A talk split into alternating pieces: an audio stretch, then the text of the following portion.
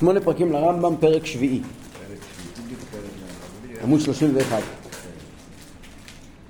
הרבה יימצא במחיצ... במחיצות ועניינן. הרבה יימצא במדרשות ובאגדות, ויש מזה בתלמוד. כי מן הנביאים, מי שיראה את השם מאחורי מחיצות רבות, ומהם מי שיראהו מאחורי מחיצות מועטות, לפי ערך קרבתם אל השם, ועילוי מדרגתם בנבואה. עד שאמרו שמשה רבנו ראה את השם מאחורי מחיצה אחת מלוטשת, רוצה לומר שקופה. והוא אמרם, הסתכל בספקלריה מאירה עיניים. וספקלריה, שם המראה העשויה מגשם שקוף, גשם הכוונה גשמי, כגביש, מה זה גביש? אבני גביש. קריסטל. קריסטל. וכזכוכית. כמו שנבהר בסוף כלים. במסכת כלים, יש שם דינים של כל מיני כלים, שם מוסבר מה זה ספקלריה. בכל אופן, אנחנו מוצאים במקורות שיש כאלה שראו את השם באמצעות מחיצות, ויש כאלה עם מחיצה אחת דקה שקופה של משה רבנו. אני רוצה להסביר לנו מה זה המחיצות האלה. והכוונה בזה העניין, מה שאומר לך. מה, מה התכוונו בכל הנוסח הזה? מחיצות, יותר, פחות. יש כתוב שיחזקאל ראה את הקדוש ברוך הוא באספקלריה שאינה מהירה, יחזקאל וישעיהו. ביחזקאל וישעיהו עצמו כתוב שישעיהו ראה יותר, יחזקאל ראה פחות. לכן ישעיהו מעריך פחות ויחזקאל מעריך יותר. מי שראה פחות מעריך יותר, ככה הסדר גם בחיים. כל מי שרואה פחות, מרחיב יותר. ביחזקאל מסופר שם על כל מיני אופנים וגלגלים. נכון, גם בישעיהו יש. אבל לא ביחזקאל. ביחזקאל זה בהרחבה. כתוב למה, אז כתוב מה ההבדל ביניהם. יחזקאל היה בחוץ לארץ, אז הוא ראה פחות. אה. וישעיהו, הוא היה בארץ ישראל בזמן בית המקדש, אז הוא ראה יותר. לכן הוא מרחיב פחות. הלשון של חז"ל זה כבן עיר המסתכל במלך וכבן כפר המסתכל במלך. תיקח בן כפר, בן אדם מהכפר, מהכפרים, נסע לטהרן. ראה את הארמון של השעה, והסתובב, וראה וחוזר לכפר. מה הוא יספר? וכשנכנס הבן אדם מהשכונות של טהרן, והיה לו ביקור קצר באזור, באזור הארמון, מה הוא יספר? זה לא יישמע אותו דבר. זאת אומרת, זה מאוד לא- משנה איפה... שניהם לא הסתכלו על אותו דבר. אולי, כן.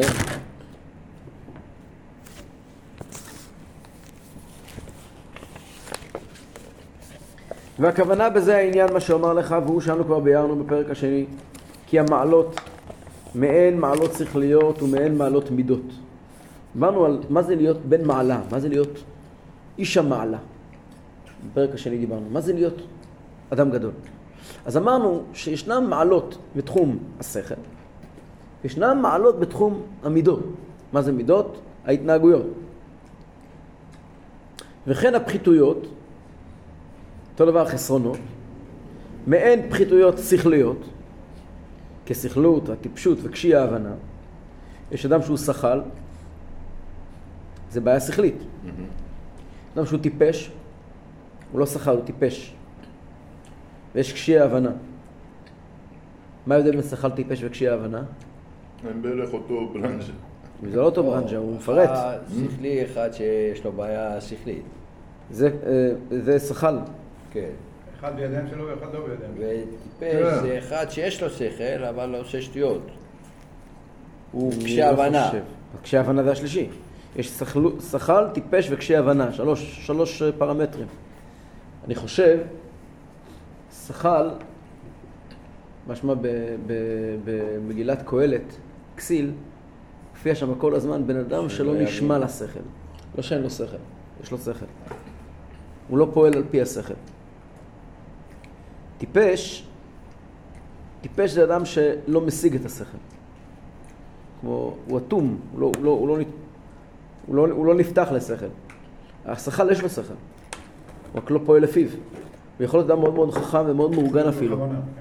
לא, הוא, הוא שחל, זה דוגמה של מה שמדברים איתם, של בן אדם שנגרר אחרי היצרים שלו, ולא פועל על פי התבונה.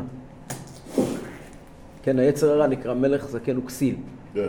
הוא רחוק מלהיות טיפש.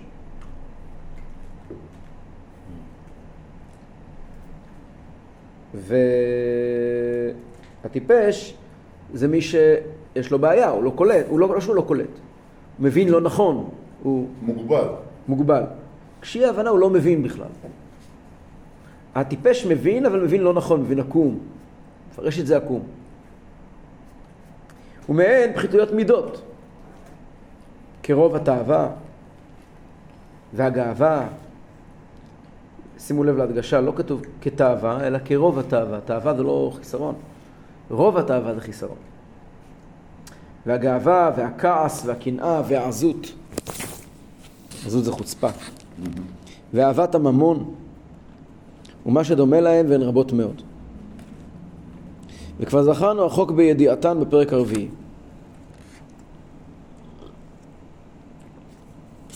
למדנו את הסדר, איך אנחנו יודעים לדעת מהו מעלה ומהו חיסרון בפרק הרביעי, כשדיברנו על שביל הזהב, שהוא קובע בעצם, הוא הדרך למדוד מה נחשב לדבר מעולה ומה נחשב לדבר פחות. ואילו הפחיתויות בכללן הן המחיצות המבדילות בין האדם ובין השם יתעלה. לא סתם התחלנו עכשיו לדבר פה על נביאים. אם אתה רוצה לדעת מה מבדיל בין אדם לבין הקדוש ברוך הוא. מבדיל בין אדם לבין הקדוש ברוך הוא המקום הנפשי שלו בשכל ובמידות. ככל שהאדם רחוק יותר בשכל ובמידות מהמקום הנכון והמדויק לקבל את הקדוש ברוך הוא, ככה הוא פחות בדיוק. אמר הנביא מבאר זה, כי אם עוונותיכם היו מבדילים ביניכם לבין אלוקיכם. יאמר, כי חטאינו, חטא מלשון חיסרון, עוון מלשון עיוות. כי חטאינו, והן אלו הרעות כמו שזכרנו, הן המחיצות המבדילות בינינו ובינו את הלב. זאת אומרת, הקדוש ברוך הוא, יש פה נקודה כללית. הקדוש ברוך הוא, הוא אמת. מה זה אמת? אמת זאת מציאות שהיא לא תלויה, בת... היא, היא לא תלויה בתנאים. אמת מוחלטת. אמת מוחלטת. אמת מוחלטת. כמו להבדיל, ישנן מושכלות שהן אמיתיות, הן לא אמיתיות מוחלטות, אבל הן אמיתיות לפי ערך. כמו מתמטיקה מדויקת, כן, מדעים מדויקים. אז ישנם מדעים למשל, המדע שאומר שאחד ועוד אחד שווה שתיים. זה מדע שבעלי חיים לא יודעים אותו. בעלי חיים לא יודעים שאחד ועוד אחד שווה שתיים. למה הם לא יודעים אותו? כי אחד ואחד לא שווה שתיים ביחס לבעלי חיים? הוא נכון בכל מקום, הוא תמיד נכון. זאת אמת. זאת אמת שכל העולם בנוי על פיה. זה לא נכון מכיוון שהחמור לא יודע להפשיט.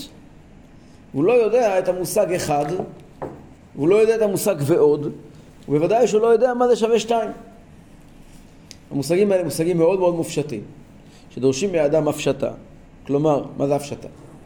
לבוא ולומר, אחד ועוד אחד שווה שתיים, זה שכל מאוד מאוד מופשט. זה כנראה אחד מהשכלים הכי מופשטים שאנחנו באים איתם במגע בגיל מאוד צעיר. ילד קטן גם לא מבין מה זה אחד ועוד אחד שווה שתיים. לוקח זמן, צריכים ללמד אותו. מה זה אחד ועוד אחד שווה שתיים? להגיע שיש, שיש לי פה אה, אה, כוס אחת ועוד כוס, זה, שכוס, זה כוס הוא מבין, גם החמור מבין. ושזה עוד כוס הוא מבין. ושזה קצת ושזה הרבה הוא מבין.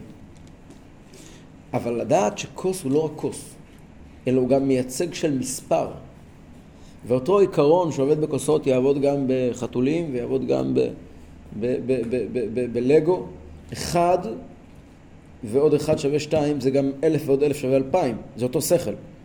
וזה גם עשרים ועוד עשרים שווה ארבעים, זה בדיוק אותו שכל. ברגע שאני מצליח להוציא אותו מהחשיבה הפרקטית, המעשית של כלי, ואני עובר איתו למופשט של שכל, אז הוא יכול לקלוט את השכל הזה. וזה מעבר, זה מעבר, זה לוקח לילד זמן להגיע למעבר הזה. מגיע למעבר הזה, כבר מכאן ואילך כל השערים פתוחים למתמטיקה. אז תבוא ותאמר, הוא מבין פחות מתמטיקה, הוא מבין יותר מתמטיקה. השאלה היא לא מצד המתמטיקה. מתמטיקה, יש דברים, מתמטיקה, נוסחאות, ודברים שהם באמת דברים שבני אדם יצרו כדי להקל לנו את ההבנה. זה לא דברים אמיתיים, כן? אה, אה, שורשים, שברים, אלו כללים שהם נכונים, מדויקים, אבל אתה לא יכול להגיד, העולם בנוי על פיהם. זה דרכים לחשב. כן? דרכים שבאמצעותם נוכל להגיע לכל... אבל ישנם זה, ככה זה וזהו זה. פה השאלה היא כמה אתה מוכשר לזה. אומר הרמב"ם, האלוקות, הגילוי האמת, הקדוש ברוך הוא, בטח ובטח אפילו נבואה. נבואה, הרמב"ם כותב בעוד מקומות, לא רק פה, כותב גם ביסודי התורה, הנבואה זה היכולת לקלוט את המעל ומעבר. זה בעצם להתחבר, היום אומרים למדיום אחר, אבל זו לא מילה יפה. להתחבר לרמת קיום עליונה יותר של המציאות. וכדי להתחבר לאותה רמת קיום עליונה יותר, אתה מוכרח להיות אדם עדין, עם נפש רגישה, ובשביל זה אתה צריך להיות פחות גוף, יותר נפש. בלשונו של הרמב"ם זה נקרא פחות חומר, יותר צורה. יש בספרי חסידות, שחסידים, לא של אדמו"רים, שנתנו לזה משל, אני לא יודע אם המשל הזה מדויק בהקשר הזה, או שהוא מדויק רק על פי, או שהוא נכון רק על פי חסידות. שם כתוב שלאדם יש יכולת לחזות עתיד. בוקר טוב. היכולת לחזות את העתיד קיימת בידיו של אדם, אז ממש שם עניין כזה, שככל שאנחנו מטפסים במעלה העולמות, הזמן הוא מרוכז יותר. הזה, הזמן הזמן מרוכז יותר. אני אסביר. ממילא כשאני נמצא בנקודת זמן מסוימת, יש לי יכולת, ככל שאני מטפס במדרג של העולמות, אני יכול לראות בנקודת זמן מסוימת דברים שיקרו בעתיד. מה הפירוש? איך, עוד פעם, סליחה, ברגע ש... הגעת בזמן. לא, לא, כשאני מטפס במדרג של העולמות, כן. אני יכול לראות בנקודת זמן מסוימת דברים שיקרו בעתיד. איך? בהתאם לדברים שמתרחשים. אני אסביר. לא, אני אסביר. מה הפירוש? אנחנו יודעים, לדוגמה, אדם מדבר, או אדם עושה. אם אני מכיר את המציאות דרך מעשים. אם אני מכיר את המציאות דרך עובדות, דרך מעשים, אז אני כל פעם, יש לי את מה שיש לי ביד. מה שיש לך, יש לך, מה שאין לך, אין לך. יש תפיסה שלמה במדע, אנחנו יודעים שהמדע הוא אמפירי, היום. מדע היום הוא מאוד אמפירי, הוא רק אמפירי. הוא מתבסס רק על פי צפייה, כן? אני חייב לראות שדברים מסוימים עובדים. לעולם אני לא באמת יכול לדעת, העובדה שאני ראיתי מה- שעכברים במעבדה מתנהגים בצורה מסוימת, או שאני ראיתי שדבר מסוים קורה, אף פעם אין לי מאה אחוז שגם יקרה ככה גם בפעם הבאה. זה הסתברות. כן. כן? כל המדע בנוי על זה. הכל בנוי, אין לנו, למשל, בנוגע לאחד מהדברים המפורסמים, כולם מדברים על ההתחממות הגלובלית. כמה שנים יש לנו צפייה על העולם? טוב. שנים. כמה זמן יש לנו צפייה על העולם? לא. אולי 200 שנה, גם לא. יש לנו מעט מאוד מידע בכלל על איך העולם מתנהג מבחינת מזג אוויר. לכן זה קצת אה, יומרני. לקבוע בזה מסמרות. כן? אנחנו לא יודעים, אנחנו לא באמת יודעים, אין לנו מידע. כי אין לנו, אין לנו מספיק ספירה של זמן. אז זה הכל אמפירי, אוקיי? אז אם אני מסתכל על התנהגות, יש לי מה, ש... מה שיש לך, יש לך, מה שאין לך, אין לך. אם אני הולך עמוק יותר. ומהתנהגות אני עובר להסתכל על דיבורים. כלומר, אני מקשיב לבן אדם, אני לא מסתכל מה הוא עושה, אני מסתכל מה הוא מדבר. במידה הוא מדבר אמת, כן? אני יכול ללמוד עליו הרבה יותר. אני יכול לדעת לא רק מה הוא עשה, אלא גם מה הוא יעשה. כן, כי אם אתה מכיר אותו, אתה תדע את ההתנהגות שלו. לא רק. כמה זמן לוקח להגיד וכמה זמן לוקח לעשות? או- בכלל. מציאות. זה לוקח מעט זמן לעשות. אם אני, אם אני ניגש עכשיו לרכבת הקלה, ואני רוצה לדעת שבונים פה רכבת קלה, אני רואה חופרים, דבר מוזר, חופרים. הביאו אנשים, עוצרים את הכביש, אני רואה המון המון שלבים. אם יש לי רק מידע ממעשים. אם אני מלקט מידע, אם אני עכשיו ציפור, ואני לא מקורא עיתונות ולא זה, ואני מגיע לחולון ואני מתחיל להסתכל מה קורה כאן. הורסים את המדינה. אה? אתה לא הורסים את המדינה. אני רואה, בדיוק, אני רואה שלבים, שלבים, שלבים, אני לא רואה יותר מזה. יש ציפורים שזה התחום שלהם. לא צחוק. יש ציפורים מאוד חכמות. עורב, למשל. הוא חיה מאוד מאוד חכמה. הוא יודע לצפור ולנטר התנהגויות של בני אדם ולתכנן את עצמו לפי זה. אני גדלתי בכפר חב"ד, היה שם עצי פקן. ועורבים, עורבים חכמים מאוד. יש לי חבילות לתת לך. אז תמתין חמש דקות. תמתין, אה, אתה יכול להמתין רבע שעה? יש על השולחן שלי כמה חבילות, תיקח אותן. תיגש אליי ואני אגיד לך מה. אה, העורבים היו לוקחים פקנים, עולים למעלה למעלה. לא, זה במקומות אחרים, כפר. העורבים היו עולים למעלה, לוקחים פקנים, יורדים לכביש בשעות מסוימות, מניחים את הפקנים על הכביש, ממתינים שרכב יעבור, הרכב היה יפצח את הפקן, היו הולכים ומלקטים אותו. והם ידעו מתי לעשות את זה. לא בשעות של העומס, ולא בשעות שאין בכלל תנועה. הם ידעו. הם ניטרו התנהגויות, אני ראיתי את זה במו עיניי, כן? זה בכפר חב"ד, מתחת לבית שלי היה. הם מדהים לראות את זה. זאת אומרת, הם הלכו, או יש אה, ציפורים שהן אה, יודעות, כשמתחילים, שעוברים טרקטורים וסוללים כביש חדש, אז הן יודעות, לפי הצבע של הטרקטורים, מגיעים לטרקטורים האלה ועוקבות אחריהם. עכשיו, הטרקטור עובר על האדמה ועושה בטלמים, נכון? כל תלם שהוא עובר על האדמה, נחשף חלק רטוב מהאדמה. נכון? כאלה פסים, פסים כאלה? אתם יודעים מה יש שם בפ- בפסים האלה? תולעים. תולעים. הם אוכלים. הם כן. קופצים על זה, הם יודעים, הוא אמור לעבור היום. הם יודעים. אני הייתי ב...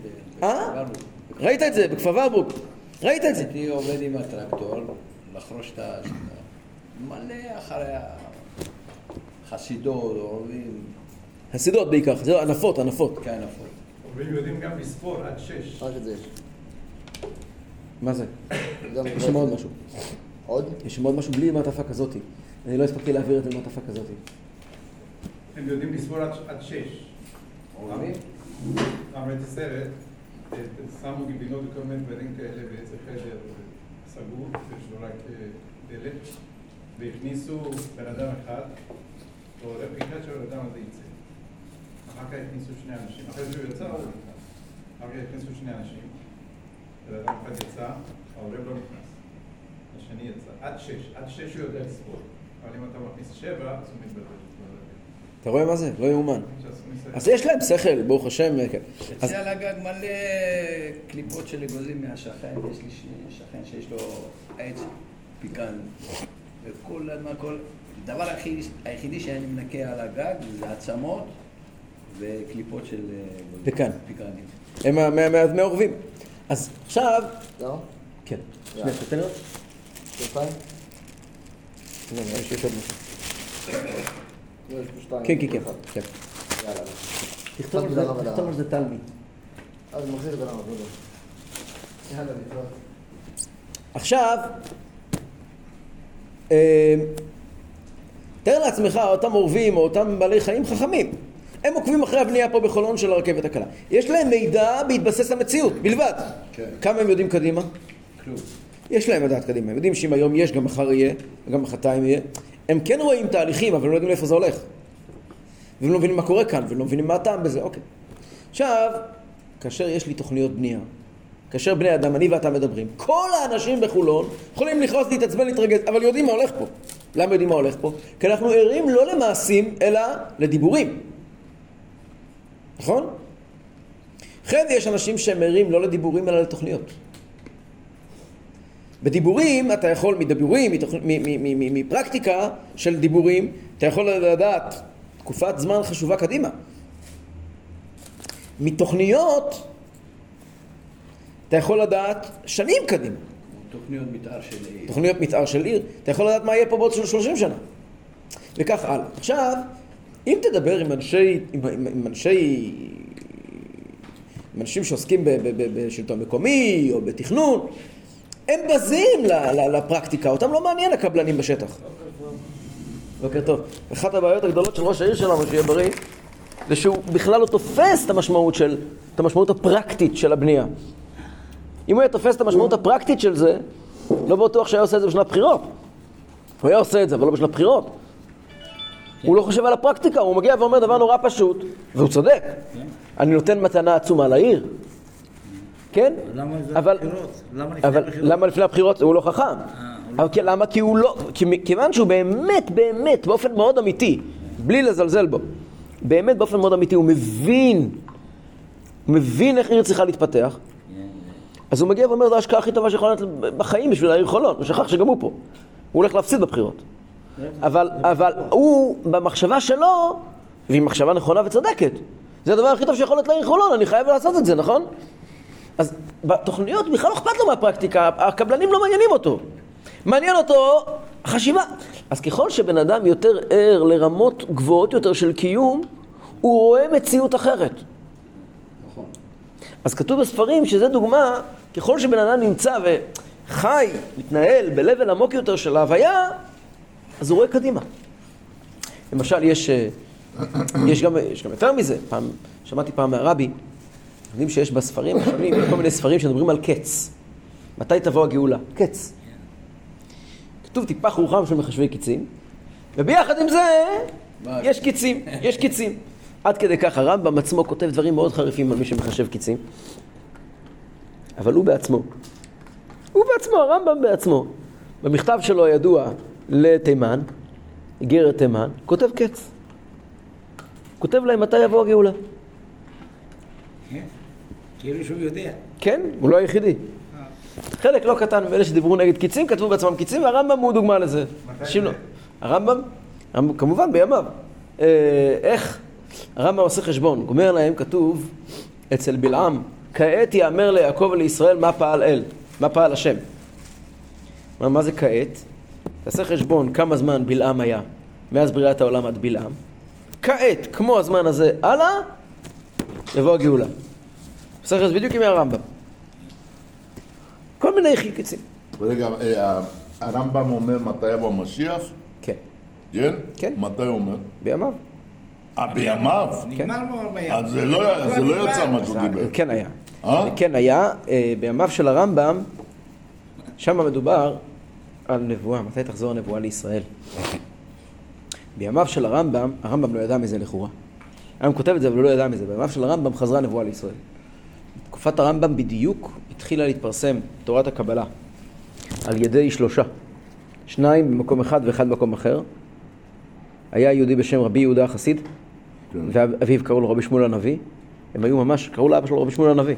הם כתבו למשל את אה, שיר הכבוד, ענים זמירות ושירים מארוק, אז הם כתבו את זה, ואצלם היה נבואות אה, על השולחן. והשני, החבר של הרמב"ם, הרמב"ם לא יודע אם שמע עליו או לא שמע עליו, אבל בוודאי שלא הכיר אותו, היה הראב"ד. הראב"ד היה בן גילו וזמנו של הרמב"ם, יותר מבוגר מהרמב"ם. רגע, סליחה, אז אני לא מבין, אז אז זה לא התקיים מה שהיה הרמב"ם. התקיים, היה בעולם אה, אה, התקדמות מאוד משמעותית של גילוי השם. גאולה זה לא רק, כמו שאתה מפרש את זה, שמגיע משיח ונבנה בית המקדש. כן. גאולה פירושו אה? אה, התקדמות משמעותית אה, של התגלות השם בעולם שלא הייתה קודם. לא עכשיו הזמן לעסוק בנושא הזה, נושא מרתק, אבל לא הזמן עכשיו לעסוק בו. באמת, מה שהרמב"ם כותב זה קרה. יש אה, כמה דברים בעולם, למשל, האריזה, אנחנו נמצאים לפני ההילולה של האריזה, הוא בפירוש גאולה בהרבה מאוד ממדים. התחיל בעולם התגלות שלא הייתה קודם לכן כל ההיסטוריה. טוב, נחזור לענייננו. והרמב"ם פעם שואל, איך, מאיפה הם ידעו? לפי מה הם קבעו? רגע, וזה נעלם? זה לא נעלם. עכשיו שהתחיל, יש אה, בעולם את זה? אין לנו אנשים כאלה, אבל המידע שהם חשפו פתח דברים חדשים. וכל העולם היהודי היום מתנהל על פי קבלה. הוא לא מתנהל רק על פי הלכה. ו... ו... אז הרבי אומר, מאיפה הם ידעו? והתשובה היא, הם י... הוא ידעו את זה מיסוד הבירורים. מה זה סוד הבירורים? אנחנו יודעים שהעולם נברא, אז אה, יש בעולם 288 בירורים. זה ניצוצות קדושה שצריכים לתקן אותם. כתוב באריזה שיגמרו לתקן את כל הניצוצות קדושה, אז משיח יבוא. זה כתוב באריזה, שצריכים לתקן 288 דברים, רפ"ח. יש פסוק, ורוח אלוקים מרחפת. מרחפת זה רפ"ח מת. רמ"ח, מת. רפ"ח מת. יש 288 ניצוצות קדושה שמתו, שנפלו לעולם, ונטמעו בקליפות, וצריכים אה, לתקן אותם, להוציא אותם. יצאו ממצרים, תקנו שמה 202 כבר תקנו במצרים.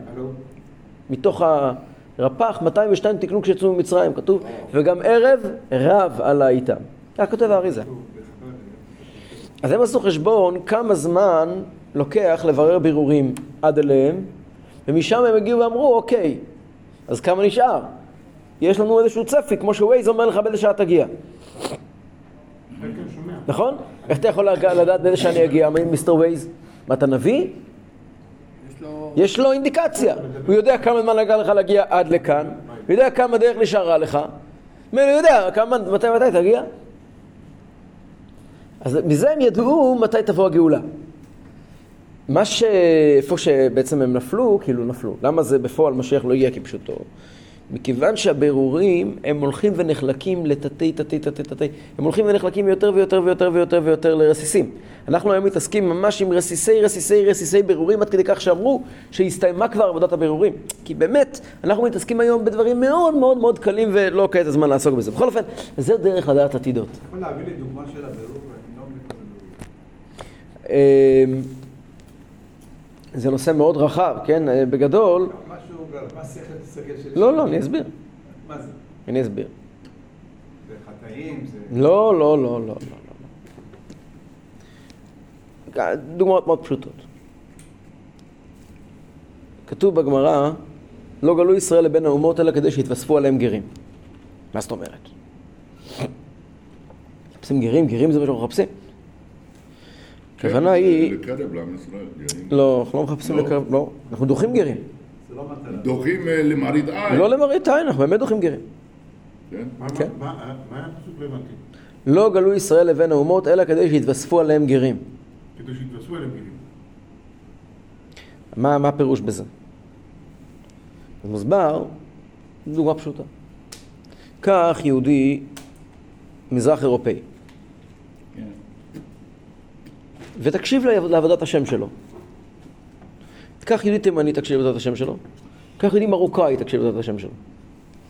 היהודי המזרח אירופאי, אתה תראה בעבודת השם שלו לא רק ספיחים שהוא קלט מהגויים, אלא עבודת השם שלמה שמבוססת על המקומות שמהם הוא הגיע. זה מוזיקה, זה ניגוני, זה, זה אוכל, זה סגנון חשיבה, זה דרך ניתוח של דברים. קח את היהודי המרוקאי, הוא עובד את השם עם סעודות, עם שירים, עם צ'פחות, עם שמחה, נכון? קח את היהודי התימני, הוא עובד את השם עם דיוק, עם חדות, נכון? כל אחד מיהודים, יש מושג שנקרא עדות ישראל. זה לא בחינם, זה לא סתם. יש משמעות לכל עדה. לא סתם ישנו יהודי מרוקאי, יהודי, יהודי אמריקאי, עבודת השם של האמריקאים היא בצדקה בשפע, היא בלי חשבון, כן? פחות בהתעמקות בדברי שכל. יש כל, כל, אה, כל אה, אה, פזורה, פזורה של גולת ישראל, היא לוקחת, כי, כי כל מדינה, כל מדינה, היא ביטוי של עניין אמיתי שקיים למעלה, יצב גבולות עמים למספר בני ישראל. הקדוש ברוך הוא, אנחנו לא כל כך מאמינים שכל בני האדם נבראו שווים. זאת אומרת, הם כולם שווים בפני הקדוש ברוך הוא זה בוודאי, וכולם בצלם אלוקים, אבל בהחלט יש משפחות העמים. יש משפחות העמים. הקדוש ברוך הוא בנה משפחות, יש 70 משפחות, 70 שרים עליונים, שכל אחד מהם תופס את ההוויה כולה באופן אחר. אם תיקח בן אדם קלאסי מהרחוב בטהרן, ותעמיד אותו מול בן אדם קלאסי מ-LA, לוס אנג'לס, זה אותו בן אדם, נכון? סתם. הבן שלו. קח בחורצ'יק מ-LA, קח בצ'ור מטהרן, תושיב אותם בחדר, תציב מולם 4-5 שאלות. אתה תראה, סתם בן אדם ברחוב, אתה תראה שהם רואים את כל העולם אחרת. הם רואים את העולם אחרת. זאת אומרת, העולם בנוי מנקודת מבט של טהרן, והעולם גם בנוי מעולם, מנקודת מבט של, של LA, והוא גם בנוי מנקודת מבט של ברלין. כל אחד מנקודות המבט האלה הוא דבר אמיתי, זה, זה, זה תרבות, זה עולם שלם. כן. קח סרט שעשו ברוסיה, קח סרט שעשו בהוליווד, זה לא אותו דבר. זה משקף ערכים מאוד אמיתיים שקיימים בתוך העולם, איזשהו, איזשהו, עכשיו, יבוא יהודי מאותם מקומות, עובד השם, הבסיס של עבודת השם, לא כל היהודים זה גולי ירושלים, כולם מתנהגים כמו שהיינו לפני אלפיים שנה, במפורש לא. מפורש לא. כל אחד את הדגשים שלו, זה נקרא, לא גלו ישראל לבין האומות, אלא כדי שיתפסו עליהם גרים. הקדוש ברוך הוא רצה, יצא בגבולות עמים למספר בני ישראל, ל-70 נפש ירדו בתיכם מצרימה, כנגדם יש 70 אומות. כל יהודי אמור לתקן חלקים מהעולם, אנרגיה שקיימת, קיימת בתוך רוסיה, יש אנרגיה אלוקית עצומה. שנמצאת במוזיקה שלה, באוכל שלה, בתרבות שלה, וזה נגאל בפירוש. אתה יודע מה זה יהודי רוסי? אני אספר לך מה זה יהודי רוסי. היה פה השבוע, יש פה אה, אה, הרב, הרב, הרב אליאס, כן, הרב רועי אליאס. הרב רועי, יום שישי האחרון, עמד כאן בקרן רחוב, והציע לאנשים להניח תפילין. הוא עושה כל יום שישי. מגיע שם יהודי רוסי. מגיע חצי שיכור. אתה רואה בן אדם שבור, שבור. הרב רועי ניגש אליו ואומר לו, אתה רוצה להניח תפילין? בוא תניח תפילין. אז הוא שואל אותו, תגיד לי, זה יעזור לי. מה אתה היית עונה? כן. כן, מה אתה היית עונה? בעזרת השם. בעזרת השם. מה אתה היית עונה? אם תרצה. אם תרצה. הרב רועי הוא חסיד. אמר לו, לא. לא. לא. אולי כן, אבל אני לא יכול להבטיח לך.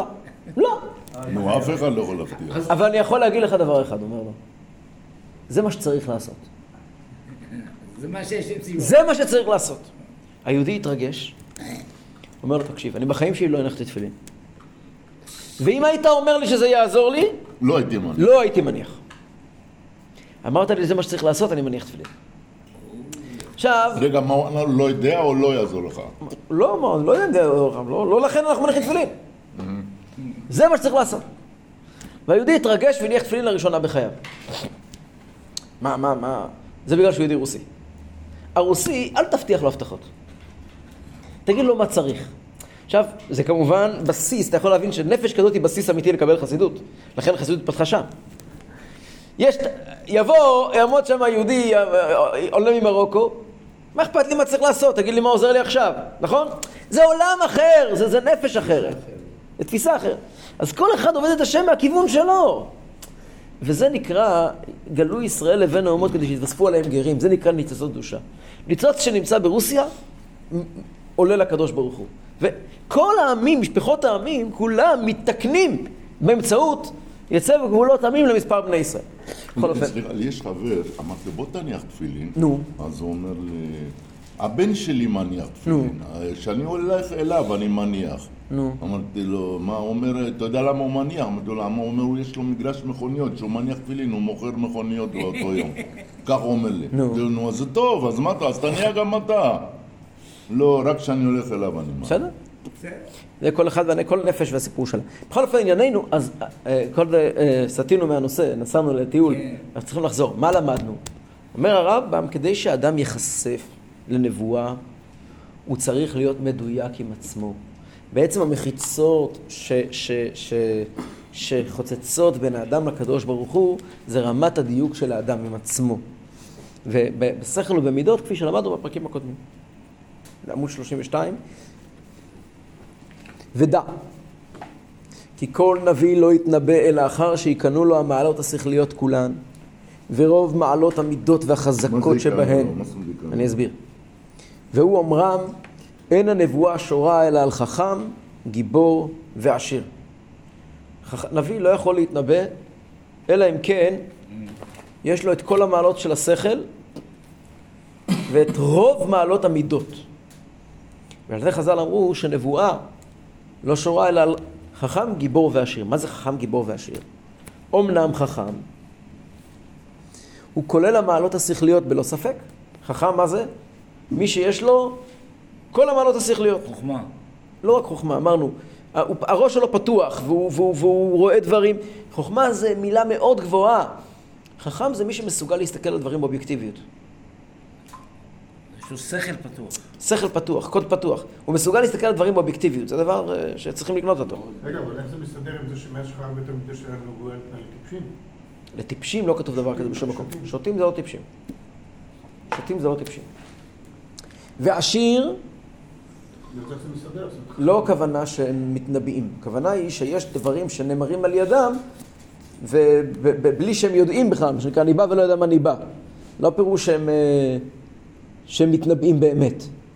הם לא עוברים תהליך של נבואה, אלא הקדוש ברוך הוא מעביר לעולם מסרים, לפעמים גם דרך, או באופן משובש כזה, על ידי אנשים כאלה. אבל נמשיך הלאה. עשיר, מה זה עשיר? מי שיש לו מלא כסף בבנק? מי שיש לו מלא כסף בבנק הוא לא עשיר. הוא בעל נכסים. מי שבריא הוא עשיר. לא מה שכתוב כאן. עשיר היא. ממעלות המידות, רצינו לומר ההסתפקות. מי שיש לו מישהו לגמרי שקט בתחום החומרי. נו, כי יש לו. לא כי יש לו. אין לו והוא... לא, כי יש לו, כי יש לו, נכון, כי יש לו. יש אדם, אדם קם בבוקר, לפעמים אדם בתודעת, כי אדם. אני אסביר, לא, לא, לא. אדם קם בבוקר, תנסה לקלוט את המחשבות שלו, כן? הוא שוכב במיטה, קם בבוקר, מודד לפניך, מו, אז תצמיד לו קורא מחשבות. מחשבה ראשונה תהיה, אני היום צריך לסדר את זה ואת זה ואת זה ואת זה ואת זה. מחשבה שנייה תהיה, ויש לי את זה ואת זה ואת זה. המחשבה השלישית, ומה אני עושה עם הבעיה הזאת והזאת. ישנם איזשהו מדרג של מחשבות, שאדם כל הזמן שוחה ביניהם. כל הזמן שוחה ביניהם, כמו ים כזה, שיש כל מיני דגים שעוברים הלוך ושוב. ישנם דגים גדולים, ש... מין לוויתנים כאלה שעוברים ומפריעים לך. אצל אחד זה דאגות על בריאות, אצל אחד זה דאגות על חינוך, על נחת. ואחת הדאגות הגדולות שמסובבת הרבה מאוד אנשים, זה בתחום הפרנסה. כן. שבן אדם, מפריע לו לחשוב, מפריע לו, מפריע לו... עכשיו, העובדה שלבן אדם יש מיליון שקל בבנק לא פותר את המחשבות האלה. וישנם אנשים שאין להם מה לאכול, והמחשבות האלה לא עוברות להם בכלל. יש להם מה שהם צריכים. לא זהו, זהו שלא. האדם בכלל לא קשור לכמות הנכסים שיש לו, שרשומים על שמו בטאבו, או ל... או ל... הפוך, מרבה נכסים, מרבה דאגה. כדי שאדם יהיה פתוח לדבר השם, הוא חייב להיות נקי מהלוויתנים האלה. ונקי מהלוויתנים האלה, הדרך להגיע לשם היא לרוב לא דרך רכישה, ולא דרך החזקת ממון, אלא דרך ביטחון בשם. זה בנוגע לרפואה, בנוגע לפרנסה. גם ההסתפקות, מגיע ואומר, מה שאני צריך, יש לי. והשלווה הזאת, שלחתי לך לינק השבוע, לא יודע אם הוא לא... אתה חושב שאני הולך לפתוח כל לינק? לינק שקשור עם- אה, אה, אה, עבדת באמונה. אתה קיבלת את זה? אולי. אני לא. פותח, אתה יכול לשלוח, לא, אני לא אפתח, אני לא פותח לינקים. אני לא פותח לינקים. לא. יש לי, ביממה שלי יש לי רק 24 שעות. כן, אני. לא, לפעמים יש לי פחות. גם אצל טראמפ וגם אצל ביידן יש... והם גם לא פותחים לינקים. וגם הלן קלר יש לו 24 שעות. ביבי לא מחזיק בכלל טלפון חכם. לכן לא מספיק. בכל אופן, אז, אז אה, מאיפה אחזנו? אז הסתפקות, זהו השיר השמח בחלקו, בוא נראה. לפי שם ייקרא מסתפק בחלקו השיר, והוא אמרה בגדר השיר הזה הוא השיר המשמח בחלקו, כלומר שהוא מסתפק במה שהמציא לו הזמן, ואינו מצטער על מה שלא המציא לו. זה אומר הרמב"ם משפט כל כך חזק, הגדרה. מסתפק במה שהמציא לו הזמן, ואינו מצטער על מה שלא המציא לו. לפעמים אנשים מסתובבים הרבה מאוד, בדאגות חזקות מאוד, לאיזה רופא ללכת? באיזה בית רפואה לעשות את הבדיקה? לעשות את הבדיקה בוולפסון או בתל השומר? לעשות... אוקיי, בסדר, זה סיפור אחד. החלטתי שאני אעשה את הבדיקה בתל השומר, אוקיי? האם עשיתי נכון? אולי טוב יותר היה אם הייתי עושה את הבדיקה בכלל באיכילוב. המחשבות האלה הן מחשבות שנובעות מחסר, מבעיה גופנית. אדם בריא לא אמור לחשוב כאלה מחשבות. אדם בריא, אדם שעובד על עצמו, צריך להגיע, אוקיי, זה מה שעשיתי, נכון? מה יועיל לי עכשיו? עוד לפני שמדברים כעת על ביטחון בשם. מה יועיל לי עכשיו לחשוב, לו הייתי הולך לוולפסון, מה, מה, לאיפה זה יקדם אותך? לאיפה זה יקדם אותך? בפרט שיש מושג של ביטחון בשם. אנחנו עובדים את השם, והקדוש ברוך הוא אומר לנו, יש לנו דרכים על פי תורה איך לבדוק כל דבר. אתה שואל אותי איפה לעשות בדיקה בוולפסון או באיכילוב? תרים טלפון לשניים שלושה אנשים שמבינים בזה. תקשיב להם. אולי יש אדם שלישי שלא שאלתי אותו. אתה לא מחויב. אתה עובד השם, נכון? אתה לא עובד את עצמך. יש, אתה שואל האם בן אדם כזה... למעלה, אתה זורק על ה... לא יודע. גם אני רואה. אז תכבד את זה. תכבד, תכבד. תכבד, תכבד, תכבד אותו. תודה, תודה. תכבד, תכבד אותו. לא, לא, ככה בסדר.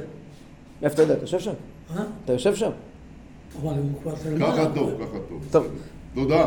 אוקיי, אז אה, המחשבות האלה, הם, הם, הם, אדם צריך לדעת, יש לי, יש לי חיוב, הקדוש ברוך הוא, אני עומד מול הקדוש ברוך הוא. פתח בהשם ועשה טוב. עכשיו תשאל אותי, אולי ההוא, חסד יסובבך. אולי ההוא אה, אה, אה, אה, ימות יותר מאוחר, ההוא שכן הלך לבדוק. כן, אבל אלו חיים שאני לא הייתי רוצה כאלה חיים, כל היום של מחשבות אולי, ואם, ואילו, ו... אבל זה גישן גישן, מה, ש... מה שהיה, מה שעבר, אין. מה שיהיה, עדיין. ישועת השם. כהרף עין, דאגה מנין. אדם שחי ככה, כל רגע בחיים שלו מלא. הוא אדם רגוע.